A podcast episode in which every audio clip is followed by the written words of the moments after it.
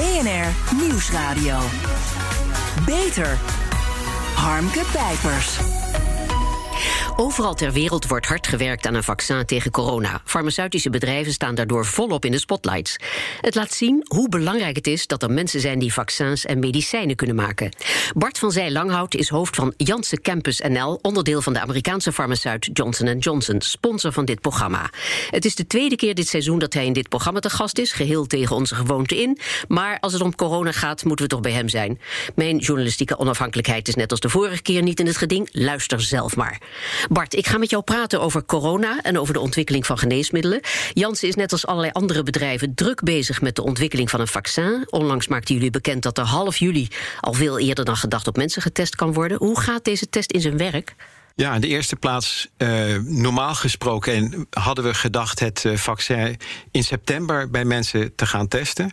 Hè, maar door zeer goede resultaten in preklinisch onderzoek en ook door zeer goed overleg met uh, de overheid, zijn we in staat om dit te versnellen naar de tweede helft van juli. En dat betekent dat we bij een, een groep vrijwilligers het vaccin voor het eerst gaan, gaan inzetten. En we gaan dan kijken of het veilig is en welke immuunreactie het oproept. Ja, dat de techniek eerder al voor andere ziekten is gebruikt, heb ik begrepen. Dat, dat scheelt natuurlijk tijd, maar dan nog, hè, voor wat uh, nu in ongeveer 12 maanden moet gebeuren, staat onder normale omstandigheden zo'n 12 jaar. Hoe kan dat? We hebben echt het commitment aangegaan om uh, binnen ja, twaalf maanden eigenlijk te doen. Hè, dat wat normaal in twaalf jaar moet gebeuren. Uh, dat gebeurt in de eerste plaats, denk ik, door heel veel zaken die normaal gesproken achter elkaar verlopen, nu eigenlijk in parallel te laten doen. Daarnaast proberen we bepaalde processen ook in te korten. En natuurlijk is het ook zo, hè, we doen dit werk hè, in, uh, in nauwe samenwerking met veel andere partners, andere bedrijven. Uh, universiteiten, de overheid. En ook al die besprekingen gaan uh, onder druk veel sneller dan normaal. Ja, Frankrijk, Duitsland, Italië en Nederland hebben een uh, overeenkomst gesloten met AstraZeneca.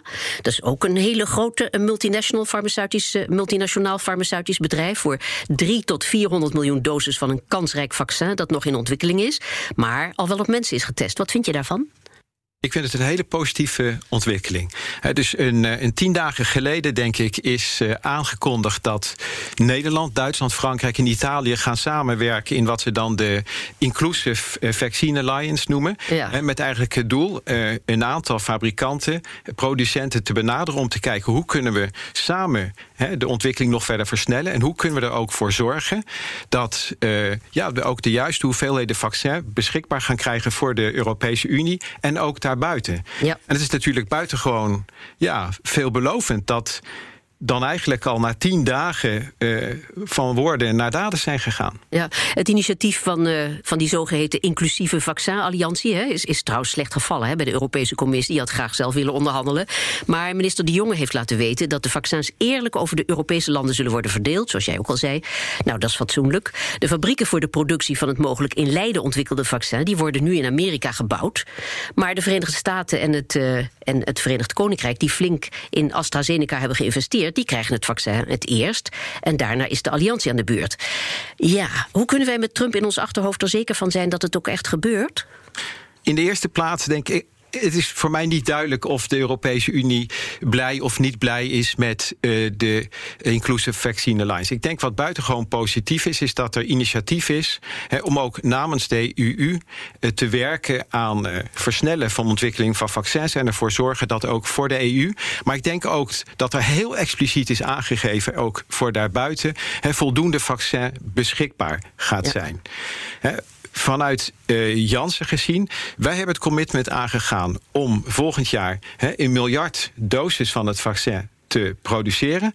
Um, en werkelijk ook met objectief om dat voor de hele wereld ter beschikking te ja. stellen. Nou heeft de overheid laten weten, gezien het risico op mislukking, met meerdere partijen in gesprek te zijn. Ja, ik neem aan ook met Janssen, hè? dat ligt toch erg voor de hand. Het ontwikkelen van geneesmiddelen, het ontwikkelen van vaccins is een buitengewoon moeilijk en ook riskant proces. Dus de kans ja, dat er van de meer dan 180 projecten die momenteel lopen en ook een, een groot aantal zullen falen, is duidelijk. Dus het is verstandig dat de overheid met meerdere partijen gaat spreken. Dus en dat ligt in de lijn de verwachting dat ze dat ook met ons zullen doen. Uh, maar het is nog niet zover? Ja, dat is een bespreking waar ik geen, eh, geen deel van uitmaak. Ah, dus uh, ja. wellicht is dat zo, wellicht ook nog niet. ja, goed, ik denk er het mijne van. Maar dat vaccin van AstraZeneca, dat wordt ontwikkeld op de Universiteit van Oxford, is al op 10.000 mensen getest. Het lijkt dus of ze al uh, verder zijn. Ze zijn zeker verder in de zin dat zij al met de testen bij mensen begonnen zijn. Terwijl wij dat eigenlijk dan vanaf de tweede helft van juli gaan doen. Um, maar ja, goed, zij werken volgens hun uh, onderzoeksplan. En wij werken volgens het, uh, volgens het onze. Ja. En wij zijn er van mening dat met ons onderzoeksplan. Hè, we begin volgend jaar hè, de eerste dosis ter beschikking kunnen gaan stellen. Maar dat moet dan wel volgens een heel uh, ja, beperkt en, en ingeperkt gebruik zijn. Ja, dan heb ik begrepen dat Janssen op voorhand vaccins gaat maken. Hè, nog voordat het zeker is dat de formule werkt. Nood breekt wet. Maar stel nu dat het niet werkt, kan alles dan de prullenbak in? Ja, dat is dan wel de consequentie. Dus uh, we gaan eigenlijk al op het moment dat we gaan beginnen met het onderzoek bij mensen ook echt beginnen met uh, de grootschalige productie. En mocht het nu blijken dat het vaccin ja, eigenlijk niet veilig en effectief is, dan kunnen we het ook niet ter beschikking stellen uh, van mensen. Maar ja, ja, we kunnen ons niet permitteren om eerst die resultaten af te wachten voordat we gaan produceren. Ja, ook uh, Microsoft-miljardair Bill Gates is al begonnen met het bouwen van meerdere fabrieken. Stel dat hij nu eerder de juiste samenstelling van een vaccin heeft, wat dan? Dan zou dat buitengewoon goed nieuws zijn. Want de wereld okay. heeft een vaccin nodig. Uh, dus vandaar ook toen u eerder vroeg over AstraZeneca. Ik vind het buitengewoon positief als ik zie dat ook andere projecten voortgang maken. Ja, maar is het nou mogelijk, hè? Uh, zit ik dan te bedenken. Stel, gezien het grote belang, dat uh, zou dan Bill Gates kunnen besluiten om de formule met Janssen te delen en dat jullie dan in de eigen fabrieken dat vaccin gaan maken? Of is dat complete kwatsch, omdat zo'n productielijn zo specifiek is dat dat vrijwel onmogelijk is. Ja, de, de productie. Eigenlijk zeg je heel vaak met een, een vaccin als het onze, eigenlijk het proces is het product. Ja, dus dat ja. is buitengewoon specifiek. En het is ook niet zo dat wij kunnen zeggen, als wij nu ons vaccin ontwikkeld hebben, dat we dat in heel veel verschillende fabrieken zouden kunnen maken. Dat moet echt in fabrieken zijn die precies dat proces kunnen uitvoeren. En die zijn we nu aan het. Uh, opschalen. Ja, mondiaal wordt dus uh, heel veel samengewerkt. Hè? Universiteiten, ministeries, de World Health Organization, ziekenhuizen, farmaceuten wisselen informatie uit om uh, het allemaal zeer te bespoedigen. Geeft dat hoop voor de toekomst? Of is deze samenwerking alleen haalbaar in deze bijzondere omstandigheden? Nou, wat mij betreft geeft dat heel veel hoop uh, voor de toekomst. Ik denk echt dat hier sprake is van samenwerking waarbij al die verschillende partners hetzelfde doel voor ogen hebben en echt ook elkaars bijdrage herkennen en erkennen. Ja, dat geeft hoop voor de toekomst, want die contacten zijn uh, intensief. Die contacten zijn zeer intensief. Die waren dat uh, ook voor de coronacrisis mm -hmm. al. Maar ik denk dat er toen heel vaak ook in overleg met de overheid, toch ook met sommige andere uh, partners, soms wel vragen zijn: oké, okay, wat is nu eigenlijk die bijdrage die een farmaceutisch bedrijf levert in de ontwikkeling van een geneesmiddel of een vaccin? Ja. En ik denk dat plotseling met deze coronacrisis die bijdrage die wij leveren glashelder is geworden. We kunnen het niet alleen, maar de anderen kunnen het ook niet zonder ons. Harmke Pijpers. Geneesmiddelen zijn er om te genezen, maar voorkomen is beter. Daarover praat ik met Bart van Zeil, hoofd Janssen Campus Nederland, onderdeel van de Amerikaanse farmaceut Johnson Johnson. Ja, Janssen werkt nu met man en macht aan een coronavaccin, maar ontwikkelt veel meer vaccins en geneesmiddelen. Het kan geen kwaad het verschil tussen beide nog even uit te leggen. Ja, een. Uh... Een geneesmiddel, de naam zegt het al, geef je om iemand te genezen, iemand die ziek is, beter te maken. Uh, of in ieder geval in dat ziekteproces in te grijpen. Een vaccin geef je om iemand die gezond is te voorkomen dat hij ziek wordt. Ja, deze tijd is uh, uitzonderlijk, hè, maar onder normale omstandigheden kan het jaren duren voor een medicijn is ontwikkeld, goedgekeurd en op de markt komt. Waarom kost dat zoveel tijd? Ja, dat kost zoveel tijd, omdat uh, het geneesmiddel dat we uiteindelijk ook ter beschikking willen stellen van, uh, van patiënten, dat moet veilig zijn en dat moet effectief zijn. En om dat te ontwikkelen, dat is een zeer langdurig proces, uh, wat ook buitengewoon complex is. En waar start je als je medicijn maakt? Je start vaak met echt fundamenteel onderzoek naar de oorzaken en gevolgen van een ziekte. Om dan vervolgens na te denken: hoe zou ik op dat ziekteproces kunnen ingrijpen? En dan vervolgens na te denken van: ja, en hoe zou ik dan een product kunnen ontwikkelen dat dat uiteindelijk ook kan doen? En vervolgens dan dat product te testen. Eerst in, in onderzoek in allerlei laboratoriummodellen, in dieren en vervolgens uiteindelijk ook in mensen. Ja, en ik begrijp dat wat wij noemen personalized medicine, dat hier dat, dat, dat hierbij een heel belangrijke rol speelt. Hè? Bij personalized medicine mhm. is het zo dat we eigenlijk de behandeling nog veel meer toesnijden op het individu. En waar nu toch heel veel medicijnen, dat je voor heel veel patiënten met een bepaalde aandoening hetzelfde medicijn geeft, is bij personalized medicine dat we echt heel goed kijken wat is nu bijvoorbeeld de unieke genetische basis van bijvoorbeeld de ziekte, om daar dan vervolgens heel gericht op in te grijpen. Ja. Er komt gelukkig eindelijk uh, steeds meer aandacht voor preventie, ook bij de overheid. Hè. Preventie is uh, lang beschouwd als een kostenpost en wordt nu gezien als een nuttige investering die tot kostenbesparing leidt. Voorkomen dus in plaats van behandelen.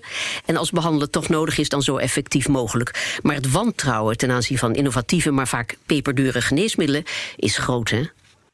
Ik weet niet of het wantrouwen tegen die geneesmiddelen heel groot is. Maar in Nederland is er wel een, uh, een heel grote discussie over de kosten van geneesmiddelen. Mhm. En ik denk zeker zo dat innovatieve geneesmiddelen een belangrijke rol kunnen spelen. Het mag raar klinken met het beheersbaar houden van de kosten van de zorg. Maar wat waarschijnlijk een nog belangrijke rol gaat spelen, is om steeds meer inderdaad naar preventie te gaan. Voorkomen dat mensen ziek worden of in een heel vroeg stadium proberen in te grijpen. Ja, maar goed, Nederland heeft een moeilijk klimaat hè, van toegang tot innovatieve geneesmiddelen, kun je toch wel zeggen. Ja, het is in Nederland soms toch wat langer voordat patiënten toegang hebben tot innovatieve geneesmiddelen dan uh, in een aantal landen om ons heen. Ja, maar veel van die dure medicijnen die worden als al worden gebruikt als laatste redmiddel ingezet, juist vanwege die kosten. En dat is nou juist wat je niet moet willen. Ja, ik, ik, denk dat het van belang is eh, dat als we kijken naar de inzet van, eh, van innovatieve geneesmiddelen, dat we niet alleen kijken naar de kostenkant, maar dat we ook heel goed kijken naar de batenkant. Wat kunnen die geneesmiddelen brengen voor de patiënt? ook misschien eh, brengen voor het efficiënter organiseren van de zorg en uiteindelijk ook voor de maatschappij. En dan met het totaal van die kennis uiteindelijk besluiten hoe het middel het best ingezet kan ja, worden. Maar, maar ik wil wat concrete, duidelijke voorbeelden horen. Wat, wat brengt zo'n medicijn? Nou, wat een medicijn uh, bijvoorbeeld kan brengen, is dat he, je hebt bijvoorbeeld bepaalde medicijnen voor patiënten met kanker, he, die die patiënten uh, een enorme verlenging van het leven kunnen geven. Of mhm. die patiënten een, uh, een enorme, zou ik maar zeggen, betere kwaliteit van leven kunnen geven. Je, je kunt de chemo bijvoorbeeld vermijden. Je kunt bijvoorbeeld een chemotherapie vermijden. Je kunt misschien ook patiënten thuis behandelen, daar waar ze normaal gesproken naar het ziekenhuis zouden kunnen gaan. He, daarnaast is het ook zo dat medicijnen soms andere kosten in de zorg kunnen voorkomen misschien ziekenhuisopnames kunnen voorkomen. Ja. En daarnaast is het misschien ook zo dat we soms met innovatieve medicijnen eh, mensen ja, actief in het maatschappelijk verkeer kunnen houden. Mensen nou, daar wil ik naartoe. Werken, want daar waar ze misschien anders uh, ziek thuis zaten. Ja, want geneesmiddelen worden dus te veel gezien als kostenpost. Hè, omdat er vaak niet gekeken wordt naar de besparing die ze opleveren. Uh, de vermindering van arbeidsverzuim noemde je al. Doordat de patiënt weer aan het werk kan. Maar die komt bijvoorbeeld te goede aan de economie en niet aan de zorg. En daardoor te weinig gezien. Is dat het probleem? Ja, ik denk dat we soms toch nog te veel denken in, in silo's. Hè. En eh, het geld wordt ergens uitgegeven en wordt daar heel strikt gemanaged, wat ook heel erg goed is. Ja. Maar dan wordt soms met hoe die eh, uitgaven gedaan worden geen rekening gehouden met misschien besparingen die je elders in de zorg kunt, kunt realiseren. Maar ik wil wel even aangeven dat het feit dat we kritisch zijn naar de kosten van medicijnen is natuurlijk van belang. En is ook, we moeten ook die kosten eh, beheersbaar houden. Maar het is zo dat als je kijkt naar de uitgaven van geneesmiddelen in Nederland, dan is dat nog geen 8% van onze totale uitgaven aan de zorg. En dat is ook een heel stabiel percentage. Mhm. Dus die hele discussie dat innovatieve medicijnen ja, de kosten van de zorg laten exploderen, die is gewoon niet gebaseerd op feiten. En ik denk ook wel dat het van belang is om dat ja, te realiseren. Ja, maar het blijft natuurlijk een probleem dat je als commercieel bedrijf niet volstrekt transparant kunt zijn. Je kunt niet de kaart op tafel leggen en dat eh, blijft een rol spelen in de discussie. Dus daar moet je nog heel hard aan werken. Uh, we kunnen als commercieel bedrijf zeker heel transparant zijn als het mhm. gaat om wat dat geneesmiddel betekent voor patiënten. Hoe dat geneesmiddel ook in de zorgkosten kan uitsparen. En hoe het ook voor de economie een bijdrage kan leveren. Uh, dus in dat opzicht denk ik dat we heel veel transparantie kunnen bieden. En dat misschien ook nog steeds meer moeten doen. Ja, bij veel medicijnen zijn er mensenlevens in het geding. Voel je als farmaceut ook uh, ethisch verantwoordelijk? Ben je als farmaceut ook als het om een dure behandeling gaat bezig met de menselijke emotionele kant? Of kun je dat nou helemaal niet permitteren? Want het gaat louter om de afzet en de omzet. Nee, het gaat echt om patiënten. Dus ik denk dat mensen bij ons primair geïnspireerd worden door innovatie hè, en de nieuwe behandelingsmogelijkheden die we kunnen realiseren voor patiënten. Want uiteindelijk kunnen wij zelf ook allemaal een patiënt zijn. Maar het is ook zo dat als het gaat om prijsstelling, Mhm. dat we een prijsniveau moeten hebben dat hè, de waarde van dat geneesmiddel weerspiegelt die het heeft voor de patiënten. Dat we zeker ook rekening mee moeten houden dat die prijs zodanig moet zijn dat ook iedereen die toegang nodig heeft, dat kan krijgen. Maar we moeten ook een zekere winst kunnen maken om ook weer te kunnen investeren in de medicijnen van de toekomst. Ja. Over ethisch eh, verantwoordelijkheid en over preventie gesproken, nog even terug naar de coronapandemie. Want eh, zowel Johnson Johnson als AstraZeneca die gaan hun vaccin nu tegen kostprijs maken. Dat is mooi, ook voor het imago natuurlijk van de betrokken bedrijven. Ja, maar de risico's zijn gigantisch en de kosten enorm. Als het misgaat, dan moeten de kosten dus terugverdiend worden op de medicijnen, toch? Nee, zo werkt het eigenlijk. Oh nee, zo werkt het toch eh, niet. Nee, ik denk, wij kijken eigenlijk. Als het gaat om eh, de prijzen van medicijnen, eigenlijk precies naar de drie zaken waar ik net over sprak. Enerzijds, wat betekent dat medicijn voor de patiënt of dat Mhm. vaccin? Tweede, wat is een prijsspel waarop we het ook echt voor het budget van, eh, van de gezondheidszorg aanvaardbaar is? En drie, hoe kunnen we ook een zekere winst maken om weer te investeren in de toekomst? En we hebben altijd projecten waar we geld op verliezen.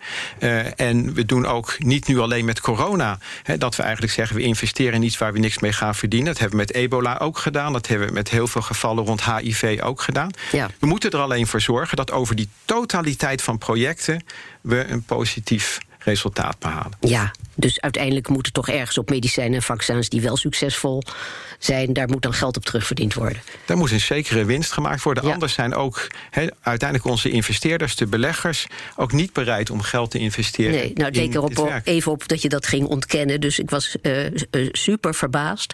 Maar vertel, eh, voor zo zover verbaasd? mogelijk. Nou, ik had de indruk dat je zei van. Nee, dat is niet zo. Alsof nee, dat nee, geld moeten- niet terugverdiend moet moeten worden. Maar absoluut- natuurlijk wel.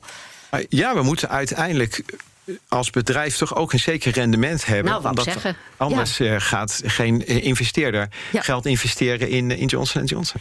Veel mensenlevens hadden gespaard kunnen worden hè, als de farmaceutische bedrijven al veel eerder een vaccin zouden hebben gemaakt. Maar ja, om het, eh, het risico om met zo'n vaccin te blijven zitten is voor een commercieel bedrijf veel te groot. Moet de conclusie dan ook niet zijn dat we de ontwikkeling van zo'n vaccin als voorzorgsmaatregel, dat hebben we toch wel nodig, niet aan de markt kunnen overlaten? Nou, ik moet totaal ontkennen dat wij te laat begonnen zijn met het maken van een vaccin. Want Mhm. eh, het feit dat deze corona-uitbraak er is, was voor de hele wereld een totale verrassing. Ja. Niemand kon weten dat dit virus nu tot deze uitbraak zou leiden. Want het ja, is maar er is al uiteindelijk voor nieuwe. gewaarschuwd in 2013, ook al eerder. Dus dan denk ik, ja, eh, Nee, er is gewaarschuwd voor, dat wordt dan ook genoemd uitbraak van ziekte X. En Mhm. dat geeft al aan dat we niet weten welke dat is. En in dit geval is dat nu het coronavirus geweest. Ja. Dus ik denk dat we maar eigenlijk... MERS en SARS behoren toch tot dezelfde groep? Dus dan, dan zou er toch iets in de maak moeten zijn, in ieder geval onderzoek. Ja, maar dat is ook zeker waar. En we zijn ook in staat Mhm. om nu zo snel ook eigenlijk op te starten met het onderzoek naar dit eh, coronavaccin. Omdat we heel veel geleerd hebben vanuit de MERS en de Ja. en, SARS-epidemie. en ebola begreep ik ook, hè? Toch? En, en ook ebola. Ja. Maar het is zo dat dit virus is uniek. Ja. En niemand kon eh, bij wijze van spreken zes maanden geleden voorzien... dat we hier een epidemie van zouden kunnen krijgen. Ja. Eh, Dus ik denk dat we als, eh, als farmaceutische industrie, als, als vaccinontwikkelaars... maar ook met alle partners hè, waarmee we samenwerken... juist ontzettend trots mogen zijn Ja. op hoe snel we in dit geval reage- reageren... en eigenlijk ook al ook- het werk laten vallen. Ja, maar ik heb ook virologen gehoord die zeiden van ja, destijds al gewaarschuwd en we waren wel met dat eh, virus bezig. En ja, het, het- de, de, zeg maar de politiek, de overheid heeft, heeft een beperkte horizon van zo'n vier jaar. En legde dat onderzoek wat er dan toe gedaan is gewoon naast zich neer. Ja, dan, dan wil ik graag eens met die virologen in discussie gaan. Goed. Want ik denk, dit is niet gestoeld op feiten. Wat wel, waar we zeker wel lering uit moeten trekken, is hoe kunnen we naar de toekomst toe misschien toch nog beter voorbereid zijn om bij zo'n uitbraak nog sneller te reageren. Ja, er is ook een wereld na corona. Hopelijk, hopelijk gauw. Hoe gaat Jansen die toekomst tegemoet? Dat is een fijne slotvraag, hè? Dat is een hele fijne slotvraag. Ja, we gaan die toekomst tegemoet met, eh, met hopelijk een, een vaccin dat we ter beschikking kunnen stellen. En dat een belangrijke bijdrage levert ook dan aan het eh, onder controle brengen van die pandemie. Maar met name ook hè, met de intentie om in heel goed samenwerking met andere eh, partners, zoals universiteiten, andere bedrijven, de overheid, ja, te blijven werken aan het oplossen van nog heel vele ziektes die we nog steeds helaas hebben in onze wereld. Ja. Hartelijk dank, Bart van Zijl Langhout, en heel veel succes. Zorgvernieuwers. Elke week besteden we aandacht aan medische innovaties binnen en buiten de muren van de universiteit. Waar wordt aan gewerkt en wat moeten wij daarvan weten? Er is een nieuwe richtlijn voor de behandeling van kinderen en jongvolwassenen met een B-cel non-Hodgkin lymfoom. De behandeling van deze soort kanker is nu nog effectiever. Het Prinses Maxima Centrum voor Kinderoncologie droeg bij aan het internationale onderzoek hiervoor. Kinderoncoloog Joseph Ziros, jij bent als klinisch onderzoeker betrokken bij die studie. Allereerst, wat is B-cel non-Hodgkin lymfoom voor kanker? Um, ja, dat is een bepaalde uh, agressieve vorm van uh, lymfeklierkanker. Kanker bij kinderen is überhaupt natuurlijk zeldzaam. En daarbinnen heb je dan die groep kanker van de lymfeklieren. En de B-cel non-Hodgkin lymfoom is daar eigenlijk de meest voorkomende, meest bekende, maar ook misschien de meest agressieve vorm van. Ja. Hoe werd die kanker voorheen behandeld? Voorheen uh, behandelden we deze uh, vorm uh, kanker met chemotherapie, dus met de klassieke medicijnen tegen kankercellen, die op zich goed werken, maar niet goed genoeg, want niet iedereen kunnen we met deze medicijnen genezen. En ze geven ook veel bijwerkingen, zoals dat waarschijnlijk bekend is. En met zo'n behandeling, tijdens zo'n behandeling, worden de patiënten, de kinderen, eigenlijk heel erg ziek van niet alleen van de ziekte, maar dan ook van de behandeling zelf. En je kan ook nog eh, zelfs overlijden aan de bijwerking van de chemotherapie. Dus het is een zeer agressieve vorm van, van behandeling. Afschuwelijk, maar dat is nu niet meer nodig? Want hoe werkt die nieuwe manier van behandelen? Nou, het is uh, niet zo dat het niet meer nodig is. Mm -hmm. uh, wat we hebben uh, vergeleken is of het toevoegen van een bepaalde vorm van immuuntherapie aan de chemotherapie, aan dezelfde chemotherapie wat wij gaven, of het beter werkt. Dus of daardoor meer kinderen genezen kunnen worden. En heel belangrijk ook of die combinatie wel veilig gegeven kan worden. Um, nu blijkt dat dat inderdaad beter werkt. Dus dat we nog meer kinderen met uh, deze vorm van kanker kunnen genezen. En dat dat ook veilig is. En het belangrijkste, misschien, um, belangrijkste betekenis uh, voor de voor andere kinderen ook, met uh, eigenlijk alle kinderen met een B-cel-lymfoom, dat uh, in de toekomst willen wij een deel van een chemotherapie vervangen door deze immuuntherapie. Wellicht een, door een nog uh, verder ontwikkelde vorm, waardoor je minder chemotherapie hoeft te geven en daardoor minder bijwerkingen krijgt. En dan krijg je eigenlijk de situatie waarin de kwaliteit van leven van de kinderen tijdens de behandeling en ook na de behandeling ook veel beter is dan nu het geval.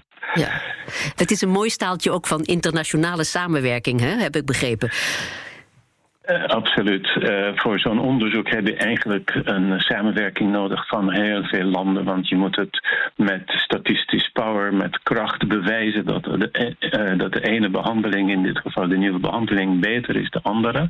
En dat kan je niet alleen doen. Dus Nederland of welke land dan ook kan het niet alleen doen. Dus hier was ook sprake van samenwerking van acht Europese landen, maar ook van de VS, van Canada, van Australië, Hongkong. Dus echt een wereldwijde samenwerking was ja. hiervoor nodig. En dat was ook heel, heel succesvol. En het resultaat is heel veelbelovend. Hartelijk dank en succes, Jozef Siros van het Prinses Maxima Centrum. En tot zover deze uitzending van BNR Beter. Op bnr.nl slash beter is deze uitzending terug te luisteren... of on demand, of on demand via de BNR-app Spotify... en op Twitter onder BNR Beter. Heeft u tips voor ons? Laat het ons weten. Ik ben Harmke Pijpers. Tot een volgend spreekuur.